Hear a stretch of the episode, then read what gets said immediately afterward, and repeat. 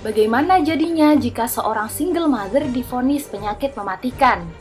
Bagaimana jadinya jika ia harus meninggalkan anak perempuan kecil semata wayangnya? Anak masih SD, gak punya teman, dan introvert. Selamat datang di podcast Dengerin Film. Kali ini kita akan dengerin film berjudul Wedding Dress. Film Korea bergenre drama keluarga ini rilis pada tahun 2010.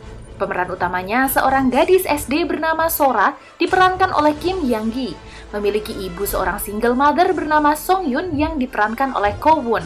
Film ini berdurasi 109 menit dan disutradarai oleh Kwon Hyung Jin. Oke pendengar film, langsung aja kita dengar filmnya.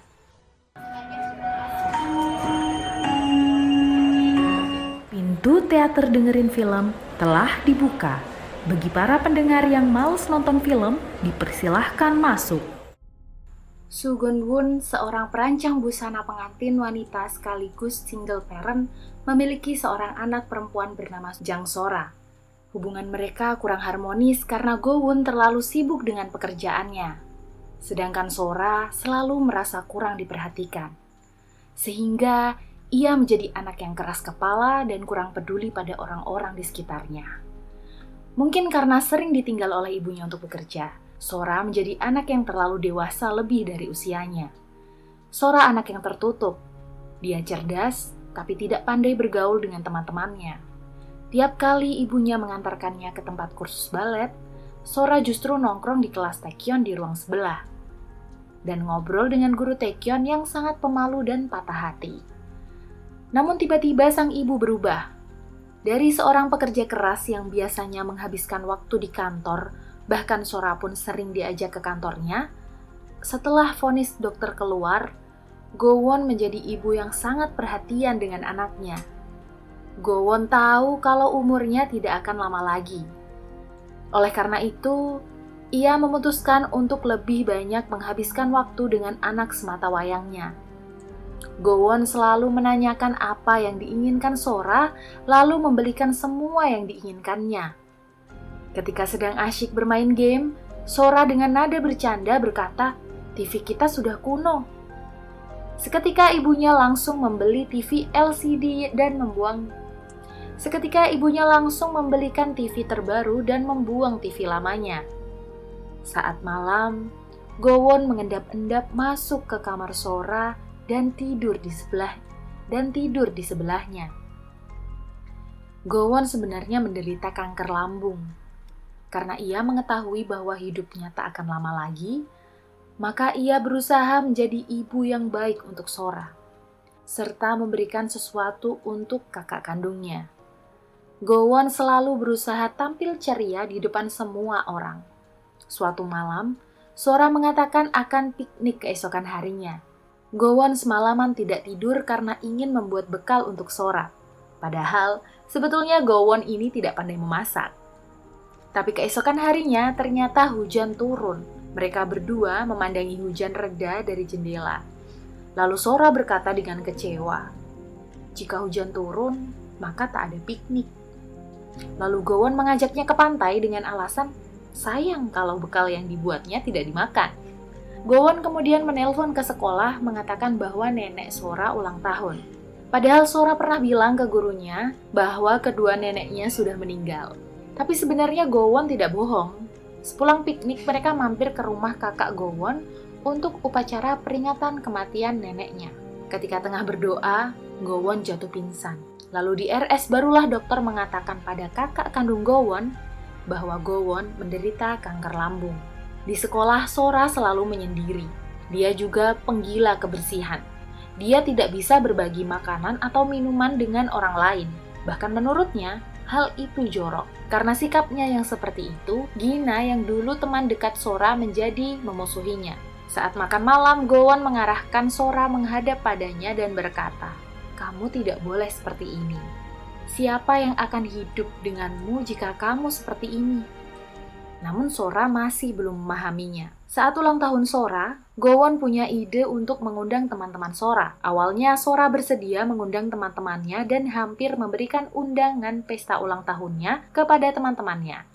Namun, niat itu diurungkan. Ketika pulang, rumahnya sudah dihiasi segala pernak-pernik pesta ulang tahun. Sora tidak peduli. Ia langsung masuk ke kamar dan mengerjakan PR dengan memakai topi ulang tahunnya. Gowon merasa ada yang aneh dan berkata, Apakah teman-temanmu terlambat? Sora diam. Apakah mereka akan datang? Sora menjawab, mereka tidak akan datang. Gowon berusaha ceria mengatakan, Hei, apa yang kau kerjakan? Tak ada yang mengerjakan PR di hari ulang tahunnya. Gowon memberikan hadiah sepeda dan mengajak Sora untuk mengendarainya. Sora menolak karena ia tidak bisa mengendarai sepeda. Gowon tetap ngotot, tapi aku membelikan sepeda untukmu. Lalu Gowon mengajari Sora naik sepeda dan memegaginya dari belakang. Namun, ketika di tengah latihan, Gowon mulai berkunang-kunang dan merasakan kesakitan. Sora mulai paham bahwa ibunya sedang sakit parah. Ia selalu berusaha tersenyum di depan ibunya dan menemaninya bekerja. Sora bertanya mengapa dulu ibunya tidak mengenakan gaun pengantin ketika menikah dan meminta ibunya mencoba gaun pengantin yang dibuatnya, kemudian mereka berdua berdansa. Beberapa waktu kemudian, Gowon dirawat di rumah sakit. Sora berusaha mengabulkan semua permintaan ibunya, dari menyisir rambut sendiri, berteman dengan orang lain, berbagi, berbaikan dengan Gina, lalu ia pun mengajak teman-temannya menjenguk ibunya di rumah sakit pergi les balet dan berusaha tampil dalam pertunjukan karena ibunya selalu ingin melihat Sora tampil di atas panggung. Malam itu di rumah sakit, keadaan ibunya semakin parah. Ia naik ke atas ranjang dan tidur bersama ibunya. Ibunya bertanya, "Apa kamu sudah ngantuk?" Tapi Sora bersikeras bilang tidak mengantuk dan ingin menemani ibunya sambil mendengarkan radio. Tidak lama kemudian Sora tertidur dan radionya masih menyala. Sang penyiar membacakan sebuah kartu ucapan yang dikirimkan ke radio. Ternyata, kartu ucapan itu dari Sora untuk ibunya. Surat itu berisi, Ibu sayang, aku senang sekali menjadi putrimu. Maaf, aku mengeluh soal masakanmu yang tak enak dan juga karena kau telah sibuk sehingga tidak bisa main denganku. Tapi kau yang paling kucintai di dunia ini. Ibu, kau sakit? Biar aku saja yang menggantikanmu. Ibu, aku akan cuci piring dan membersihkan kamar, juga memasak. Ibu tak perlu bekerja lagi. Bisakah ibu tinggal bersamaku selamanya? Ibu, kau adalah yang terbaik Aku menyayangimu. Paginya, Sora terbangun di samping ibunya. Ia berkata pada ibunya yang sedang tertidur, "Hari ini aku tidak masuk sekolah ya, Bu. Aku ingin menam aku ingin menemanimu seharian. Tidurlah, banyaklah istirahat." Lalu Sora turun dari ranjang dan berjalan menutup pintu pelan-pelan. Di luar ia berusaha keras menahan tangis.